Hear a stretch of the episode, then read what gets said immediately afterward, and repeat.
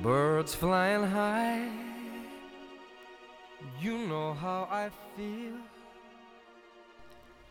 היי, שלום לכולם, ותודה שהגעתם לפודקאסט רזה בראש, הפודקאסט שמיועד לכל מי שמאס בעולמות הדיאטה המקובלים, פודקאסט שמקנה ידע וכלים מנטליים והתנהגותיים כדי לצאת מהמאבק היומיומי עם האוכל לחופש מוחלט. אני נעמה פולק, אני מייסדת השיטה הרזה בראש, שיטה לירידה במשקל באמצעות אבחון ושינוי דפוסי החשיבה, המניעים לאכילה רגשית, אכילת יתר ואכילת קורסון שקדים וקורסון חמאה. וכן, אני מקליטה את הפתיח הזה בכל פעם מחדש. אז מה שלומכן בנות? אני יודעת שעבר קצת זמן מאז הפרק הקודם, ואני לא יודעת מה איתכן, אבל אה, אני התגעגעתי מאוד. אני רוצה לשתף אתכן שאתן באמת כל הזמן במחשבות שלי. ואני כל הזמן חושבת על התכנים שאני רוצה להקליט לכם, ואני חושבת על מה תרצו לשמוע, או על איזה התמודדויות יש לכם מול האוכל שאפשר לדבר עליהן ולהסביר אותן כאן בפודקאסט. אני כבר סיפרתי לכם פעם שכל פעם מחדש שאני מקליטה, אז אני אומרת לעצמי, וואי, הלוואי ויתחברו לפרק הזה, וכל פעם הכמות של ההשמעות מצליחה להפתיע אותי. וזה מרגש אותי מאוד, וכל פעם זה פשוט גורם לי להבין עוד יותר ועוד יותר שהתוכן הזה צריך להישמע. ואני מודה לכן שאתן לוקחות בזה חלק, שאתן משתפות את הפרקים ומעבירות הלאה את התכנים האלו למשפחה ולחברות ובכלל לכל מי שאתן חושבות שצריך או צריכה לשמוע את זה. וזה המקום גם להגיד לכן תודה על השיתופים הנהדרים שלכן. ההודעות שאני מקבלת, המילים החמות, המרגשות שאתן כותבות גם בקבוצה של רזה בראש בפייסבוק, אתן כותבות בפרטי ובאינסטגרם, זה באמת מיוחד וזה מרגש מאוד, ותודה רבה. בפרק היום אני מארחת את נעמת סובל, מדריכת הורים שפנתה אליי לפני כמה שבועות וביקשה לדבר על נושא שהוא מאוד מאוד חשוב, על איך ההתעסקות שלנו באוכל משפיעה על הילדים שלנו.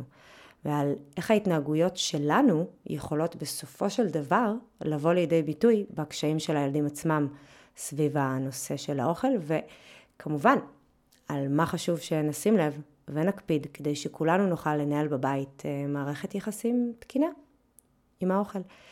זה בעיניי הפרק למי שיש לו ילדים בבית או נמצא סביב ילדים, ומאוד חשוב לשמוע את זה. ולהבין את זה. ממש לא רק אנחנו האימהות, כולנו, גם כהורים ובכלל, כבני אדם שחיים יחד באותה חברה, וצריכים להבין איך ההתנהגויות שלנו יכולות להשפיע על הסובבים אותנו, בלי שבכלל שמנו לב לזה. אז בלי ללכת סחור סחור, אנחנו מתחילות עכשיו. היי נעמה.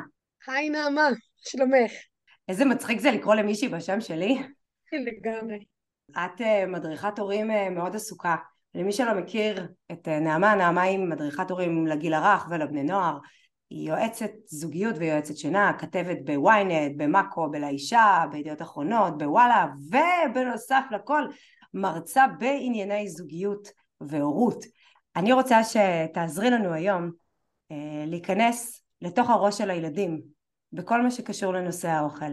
את בתור מדריכת הורים יכולה לעזור לנו להבין איך ילדים חושבים, ומתוך ההבנות האלה בעצם אנחנו נוכל ללמוד איך אפשר לנהל מערכת יחסים הרבה יותר טבעית אה, עם האוכל. אני אשמח, זאת בדיוק הסיבה גם שרציתי מאוד לדבר איתך, כי את מדברת המון באמת על ההתנהלות עם אוכל אה, לנשים. ואיך אה, לנתח את ההתנהלות, איך לעשות אותה בצורה שהיא יותר אה, מותאמת ופחות רגשית. ולי, בתור מי שעובדת עם הורים, עם הילדים שלהם על הדבר הזה, חשוב לי להגיד שבעצם הילדים רואים את מה שההורים עושים בבית. ואם פתאום האימא אה, לצורך העניין, יש פה המון מאזינות, אז היא עושה איזשהו שינוי, הילדים מגיבים אליו, ובכלל, כל הנושא של אוכל, הילדים זה המון פעמים איזושהי תגובה שלהם למה שלמדו מאיתנו, אני מדברת המון על לנסות להבין עם הילדים את הסימפטום, אה, על מה יושבת איזושהי בעיה ולא את הביטוי שלה.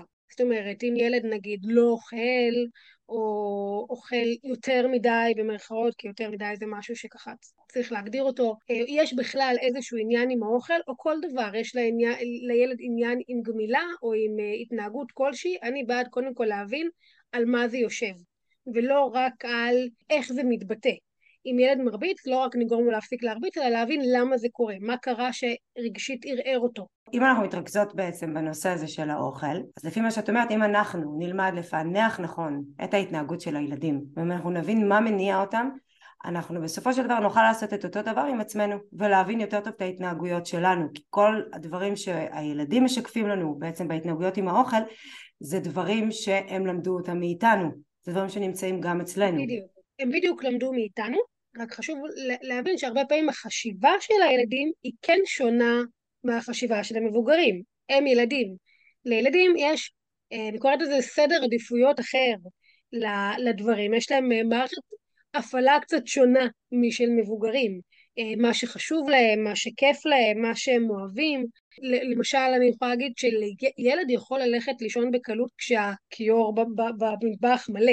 לא אכפת לו, לא מפריע לו בלגן, כי הוא ילד, והוא אוהב לאכול דברים של ילד כי הוא ילד, ולפעמים הוא לא ירצה לאכול כי הוא רוצה לשחק כי הוא ילד, ובכלל כל ההתעסקות שלו הרבה פעמים במה אני אוכל, ואם אכלתי וכמה אכלתי, היא פשוט מאוד מאוד שונה משל מבוגרים, כי הם עדיין אה, ילדים, והמבוגרים שיש להם את מערכת ההפעלה האחרת, הרבה פעמים קשה להם לחזור ולהבין שגם הם בתור ילדים הרגישו בדיוק ככה, והם מנסים איפשהו לפעמים מכוונה טובה להשפיע על הילדים להתייחס לאוכל בחשיבות כמו שהיא למבוגרים. אם זה במרכיבים שלו, ובאיך לאכול, ובכמה לאכול, ובמה לאכול, ואז הרבה פעמים קורה יש איזושהי שפה ואיזושהי מלחמה במרכאות ואיזשהו דיון שלא נגמר סביב העניין של האוכל.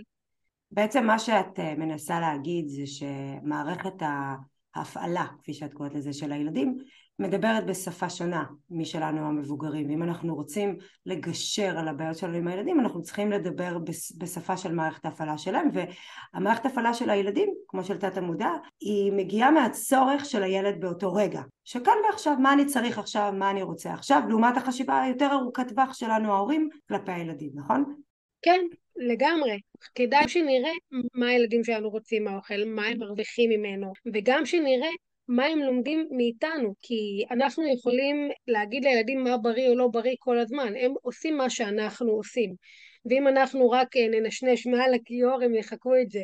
אנחנו לא יכולים לשתות משהו לא בריא ולהגיד להם שזה לא בריא כי הם רואים את זה. הם רואים את הדברים ולומדים אותם אפילו בלי לדעת שהם לומדים אותם מגיל מאוד מאוד צעיר, וזה יכול לבוא אחר כך לידי ביטוי בכל מיני עניינים כמו בררנות של אוכל, הפעלה של ההורים, אה, לאכול יותר מדי, לאכול פחות מדי, ושוב, ליצור לשיחה, ששיחה סביב זה תהיה ממש כל הזמן.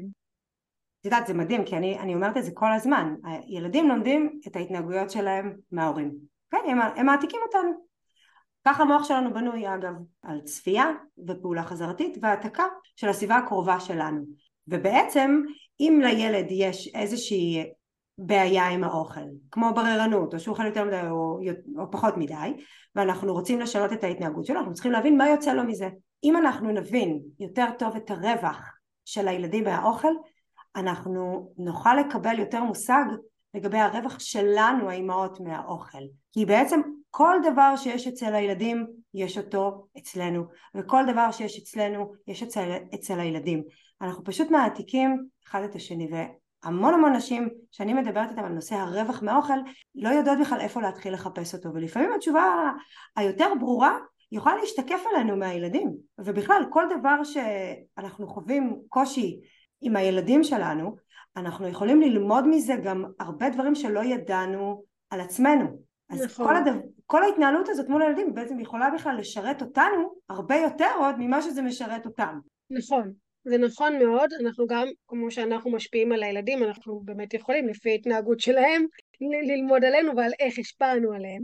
ו- ומה שקורה פה זה בעצם מערכת יחסים שהרבה פעמים, הרבה ממנה, מתבסס על האוכל. אבל אם בסופו של דבר אנחנו רוצות ללמד את הילדים שלנו לנהל מערכת יחסים יותר משוחררת וטבעית עם האוכל, הבעיה היא שאנחנו לא נוכל לעשות את זה אם אנחנו לא יודעות לנהל את המערכת היחסים הזאת עם האוכל. עכשיו, במקרה הזה אני דווקא חושבת שהילדים יכולים כן ללמד אותנו איך לעשות את זה. זאת אומרת, הם יותר מזה, יכולים ללמד אותנו איך ללמד אותם. נכון. לפעמים את יכולה לראות שילדים משאירים ביס אחד בצלחת, כי לא בא להם יותר, אוכלים רק ביס ולא בא להם יותר, ו- ובאמת רואים שמה שמכוון אותם זה באמת התחושה הפנימית הזאת, זאת שאנחנו כל כך רוצים ורוצות בתור מבוגרים לחזור אליה, הוויסות הטבעי, וילדים מאוד מאוד מודעים לדבר הזה. יש להם את המנגנון רעב ושובע מאוד מאוד ברור וחשוב מאוד שאנחנו נכבד אותו, ואפילו קצת נעצים אותם על זה שהם יודעים מה הגבולות שלהם והם קשובים לגוף שלהם. ו- ויש עוד משהו שמאוד חשוב, האוכל בסך הכל הוא אמור להיות הנאה. לא סתם כל החגים וכל הארוחות המשפחתיות וכל הדברים מסביב האוכל, האוכל אמור להיות ההנאה, הוא לא אמור להיות המרכז. סביב זה יושבים, סביב זה מדברים, סביב זה נפגשים, זה גם נותן איזה שהם, קוראים לזה עוגנים כזה במשך היום. אנחנו יודעים שביום שישי כולם יושבים, פעם, פעמיים בשבוע אם אפשר, לא כל משפחה יכולה כל יום, אבל בערב, וגם בגן דרך אגב, יש להם ארוחת בוקר, ארוחת... זה, משהו כזה שהוא חלק מהכיף, חלק מהיום, ולאו דווקא אוכל עצמו. את יודעת, אני חושבת על מה שאת אומרת, כשאנחנו כל הזמן מתעסקים רק במה נאכל, במקום להתייחס לזה גם כאיזשהו מפגש, אז אנחנו באות טעונות בעצם רק לאכול. זאת אומרת, אם יש איזשהו חג ומישהי מארחת והיא רק עסוקה במה היא מכינה והכנתי את זה והכנתי את זה והכנתי ככה ועשיתי ככה וכל הזמן יש דיון גם על ארוחות שישי וגם על החגים ורק על האוכל אין שום דיון על, על משהו אחר למרות שהמטרה כאן צריכה להיות באמת כמו שאת אומרת המפגש והאוכל הוא הנאה, אנחנו לא מבטלים אותו חלילה, אבל כשמדברים רק עליו ושמים רק אותו במרכז, אז גם מי שעכשיו רוצה לרדת במשקל והיא באה עם רצון לאכול בוא נגיד בצורה יותר אה, מידתית לעצמה, יהיה לה מאוד קשה לבצע את זה כשהיא באה טעונה רק על נושא האוכל. זאת אומרת מראש אנחנו באים וחושבים רק על זה, רק על הדבר הזה.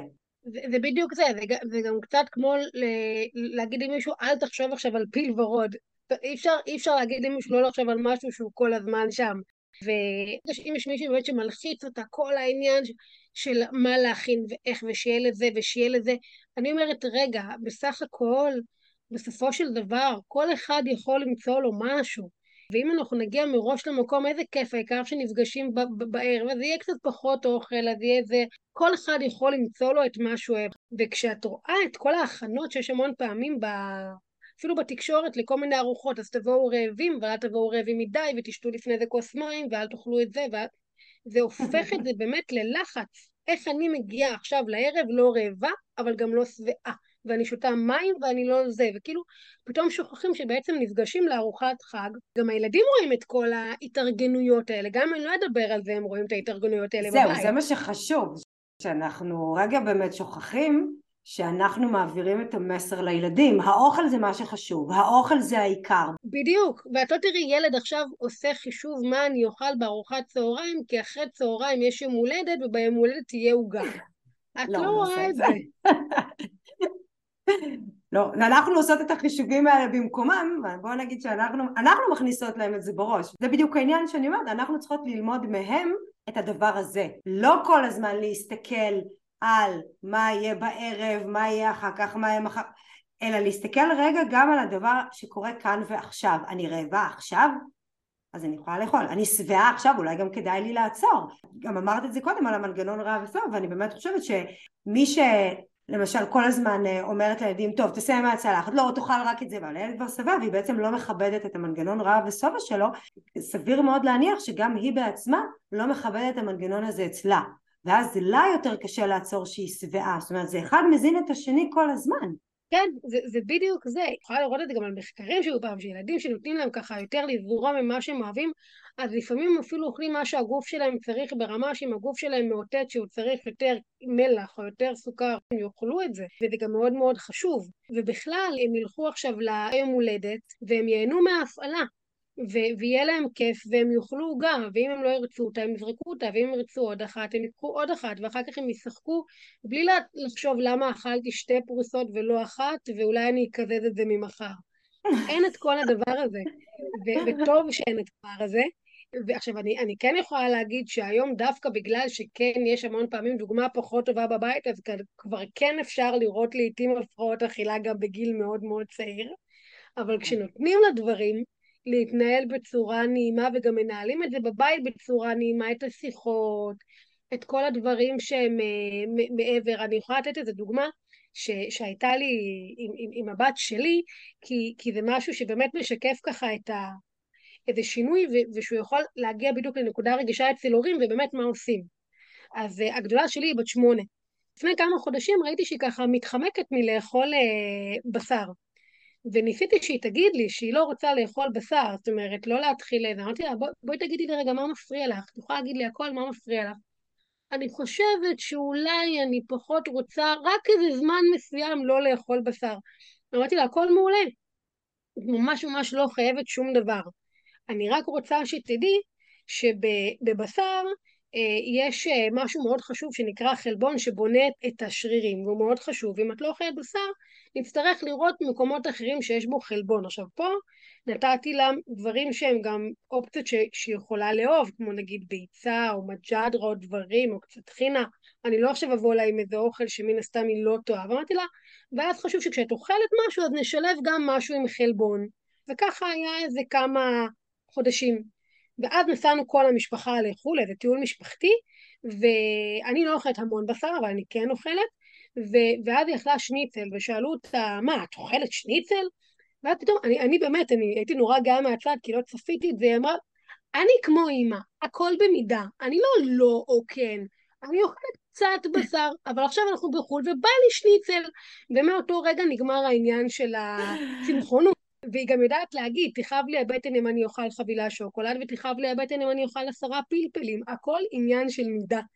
ו- וזה מה שאני שמחה שהיא לקחה ממני, כי ככה היא רואה, היא רואה את הדברים במידה, ואם הייתי נלחצת ואומרת לה מה פתאום בשר זה חשוב ואי אפשר בלי ואת חייבת, ואם את אוכלת בשר אז אנחנו נצטרך עכשיו אה, לקחת משהו שהיא לא אוהבת, זה היה מתקבע, אין לי ספק שהיא הייתה עדיין צמחונית. את יודעת, אני חושבת על הסיפור שאת מספרת, ואני אומרת, כי הרי אם ילדים מעתיקים את ההתנהגויות של ההורים, נכון? אנחנו לא תמיד מעתיקים את השכבה העליונה של ההתנהגות, את הקצה של הקצה של הביטוי, שאם הורה אוכל עוף אז הילד יאכל גם, ואם ההורה שונא אז הוא ישנא גם, זאת אומרת לפעמים גם רואים את זה אבל זה לא העניין, אלא מה שחשוב יותר להבין שילדים מבינים מאיתנו מה לנו חשוב, את זה הם מעתיקים, אם הם רואים שלך חשוב, למשל, או כמו שהבת שלך לפי מה שאני מבינה ראתה, שאלה חשוב שהכל יהיה במידה, היא הצליחה להביא את זה לידי ביטוי במה שהיא אוכלת. ואם למישהי אחרת חשוב שהאוכל יהיה בריא והילד שלה מבין את המסר הזה,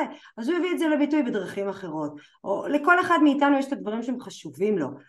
והילדים נכון. מעתיקים בעצם את מה שחשוב לנו, כי זה המסר שהם מקבלים כל הזמן. מה חשוב לנו?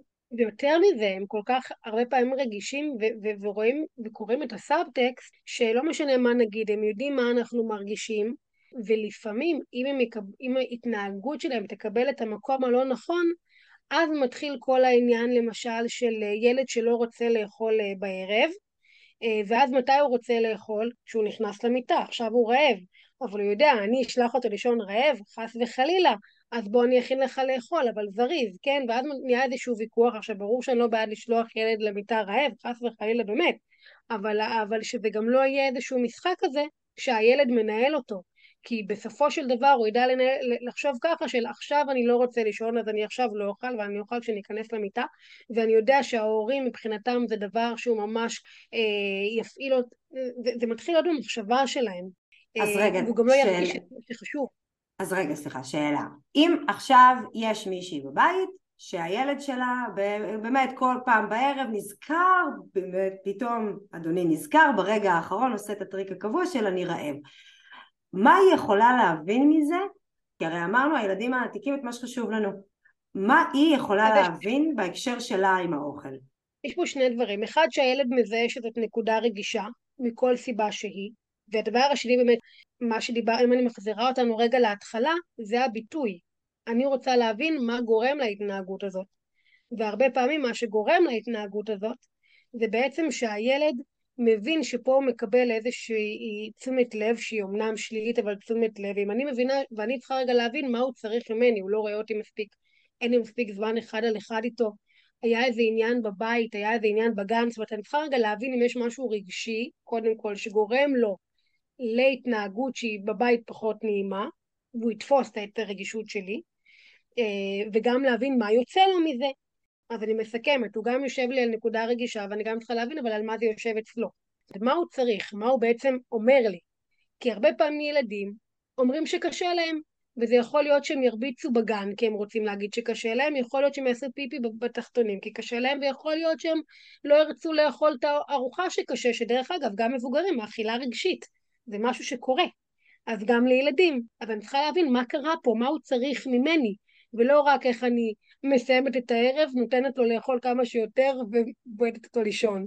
אבל את יודעת מה, מעבר, מעבר למה שהוא צריך אה, ממני, אלא על מה זה יושב אצלו ב, דעת, בעולם האישי שלו, מה שאני בעצם יכולה להבין מזה, הוא הרי לא סתם בחר להשתמש באוכל ולא במשהו אחר.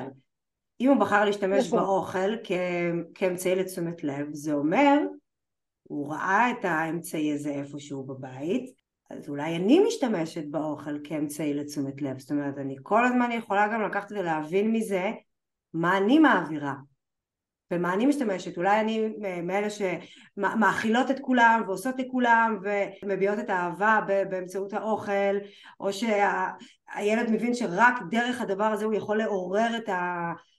את הטונים שלי, כי זה מה שמפעיל אותי, ו... זאת אומרת, באמת יש פה איזשהו משהו שצריך להבין אותו גם אצלנו, לא רק אצל הילד. ופה אני חוזרת לאיזון, כי באמת אוכל זה גם משהו שהוא באמת, הוא כן יכול להיות גם סימן לנגיד אהבה והשקעה, מאוד כיף לבשל למישהו שאוהבים, מאוד, לא סתם אומרים גם אוכל עושים באהבה, מאוד כיף לפנק באוכל, מאוד כיף לחגוג באוכל, אה, רק, רק צריך לראות שהילד לא, אה, שהילד לא יבין ממני שזה משהו שגם מאוד יערער אותי.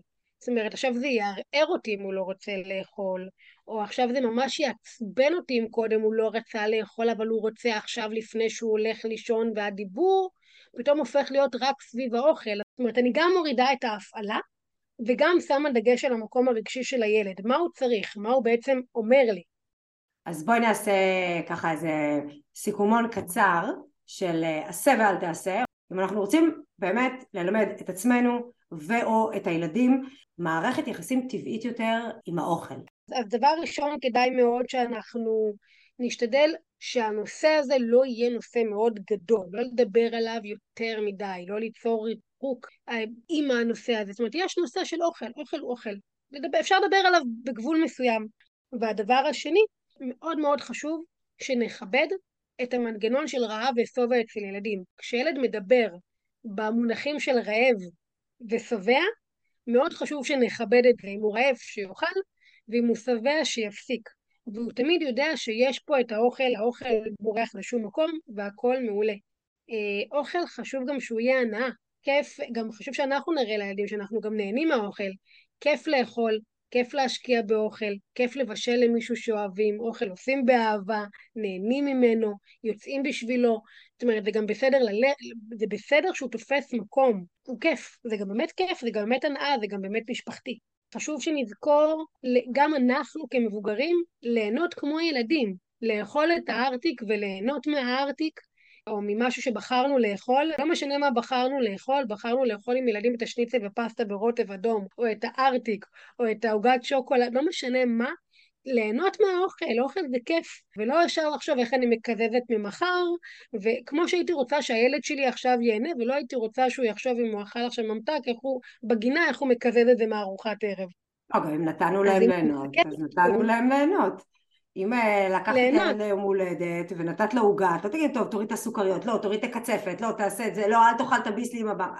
כנראה תשחרר, ברגע שהחלטנו ליהנות, אז החלטנו ליהנות, ואני חושבת שזה באמת מאוד מאוד חשוב גם אצלנו ליהנות. תהנו, נכון. בחרתם לאכול משהו, תתקע. תהנו, אל תפרקו את העוגה ותוציאו לה את כל הפאן, תהנו ממנה. נכון, ו- וגם משהו שאני מאוד בעד, פחות לדבר עם ילדים על עניין של קבוצות מזון, זה צבעי מאכל, זה אסור, זה פחמימות, זה פחמימות ריקות, זה סוכרים, זה עוגה, וזה כיף, וזה טעים, ותהנו. לא צריך לחפור, סליחה, לילדים על יותר מדי לדברים שאנחנו מנסות להשתחרר מהם. בעצם אני מסכמת את זה, אז המטרה היא להוריד דיבור והתעסקות בבית ובאוכל מול הילדים.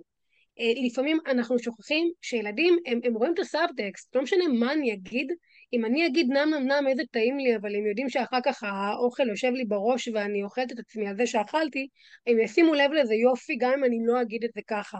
הם רואים את הסאבטקסט, אם אני אגיד להם זה לא בריא כי זה משמין, הם יודעים שזה משמין, הם מבינים את הכל, הם מזהים את זה. הם מזהים שזה נושא רגיש, הם מזהים שזה משהו שאנחנו מתעכבים עליו בבית, וכמו שהמטרה שלנו היא לשחרר את עצמנו מכל המחשבות האלה, אז חשוב מאוד שאנחנו נשים לב שעם המחשבות שלנו אנחנו לא כובלות את הילדים. מרוב התעסקות שלנו, הם לומדים מאיתנו, ואנחנו בעצם כובלות אותם. אז שאנחנו נשחרר גם את עצמנו ממשקל, וגם לא נכבול את הילדים גם בהתנהגות וגם במחשבות על כמה אוכל זה אויב ורע וחטא. חזק. צריך באמת טוב, להבין את אוכל. זה. באמת צריך להבין את זה, כי אנחנו, באמת אנחנו רוצות לעשות שינויים טובים לעצמנו, ושינויים טובים למשפחה שלנו, אה, להכניס יותר דברים, להכניס יותר דברים בריאים, באמת, והכוונות יכולות להיות כוונות טובות, כוונות נהדרות, אבל על הדרך, מבלי ששמנו לב, אה, כבלנו את הילדים במחשבות שהולכות איתם שנים קדימה, והם משלמים עליהם אחר כך אה, מחיר מאוד מאוד כבד, או שאנחנו גם לא שמות לב, שעל הדרך כבלנו אותם וסחבנו אותם ביחד איתנו. צריך באמת להבין ולדעת שהילדים רואים הכל, הם מזהים אותנו, הם מרגישים אותנו, הם מבינים מה חשוב לנו, ואם לך חשוב הנושא של האוכל וה- והמשקל, תהיי בטוחה שהילד שלך הבין את המסר, שאוכל ומשקל זה דבר חשוב. ואם את רוצה לשחרר את עצמך, מעולה. בואי תלמדי ממנו איך מנהלים מערכת יחסים טבעית יותר ומשוחררת יותר מהאוכל, תתנהגי כמו ילדה, תקשיבי למנגנון רעב ושובע, תהני מהארטיק עד הסוף. ותהנו עם הילדים, זאת אומרת, אם אתם לוקחים את הילדים לאכול ארטיק, לפעמים תקנו גם לעצמכם. לא שהולכים ילדים למסעדה, אנחנו לא יכולים תמיד להזמין אנחנו סלט, זאת אומרת, הם רואים את הדברים האלה. תהנו איתם, ת- תראו להם שזה גם, הם גם צריכים דוגמה אישית, הם רוצים לראות שזה בסדר, הנה אכלנו, הכל טוב, הכל מעולה. ממש שירגישו שהכל בסדר, הכל בשליטה, הכל טוב. מהמם. יופי נעמה, תודה רבה שהגעת. תודה רבה. אני חושבת שהדבר הכי חשוב מהכל זה שאם אנחנו רוצות לשנות את המערכת יחסים שלנו עם האוכל, התלמידים הכי טובים שיכולים להיות לנו זה הילדים. וכמו תמיד, אני מקווה שאתן יוצאות מכאן עם אופטימיות והבנה חדשה שיכולה לעשות שינוי של ממש בחיי היומיום שלכם, בחיי היומיום של הילדים שלכם, של המשפחה שלכם, ואם הצלחתי לגרום לפחות למישהי אחת להרגיש טוב יותר לגבי עצמה, עשיתי את שלי לפרק הזה. אני רוצה לספר לכם שיש אפשרות מעכשיו לתמוך בהקלטה של הפודקאסט באמצעות תרומה דרך האתר, בלינק שנמצא למטה. התמיכה שלכם תעזור לחדש ולדייק את התוכן בצורה הכי טובה שיש, גם כדי שתוכלו לקבל ערך משמעותי יותר לחיי היומיום שלכם, וגם כדי שנוכל יחד להמשיך וליצור שינוי אמיתי, ליצור עוד פרקים ולעזור לעוד ועוד נשים להרגיש טוב יותר לגבי עצמן. אז עד הפעם הבאה, אל תבחרו לחכות. תבחרו מי אתן רוצות להיות. אוהבת אתכן, ותודה רבה שהקשבתן. תודה רבה שאירחת אותי. להתראות. I'm feeling good.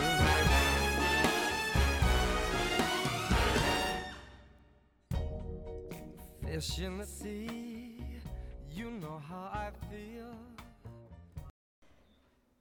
Later.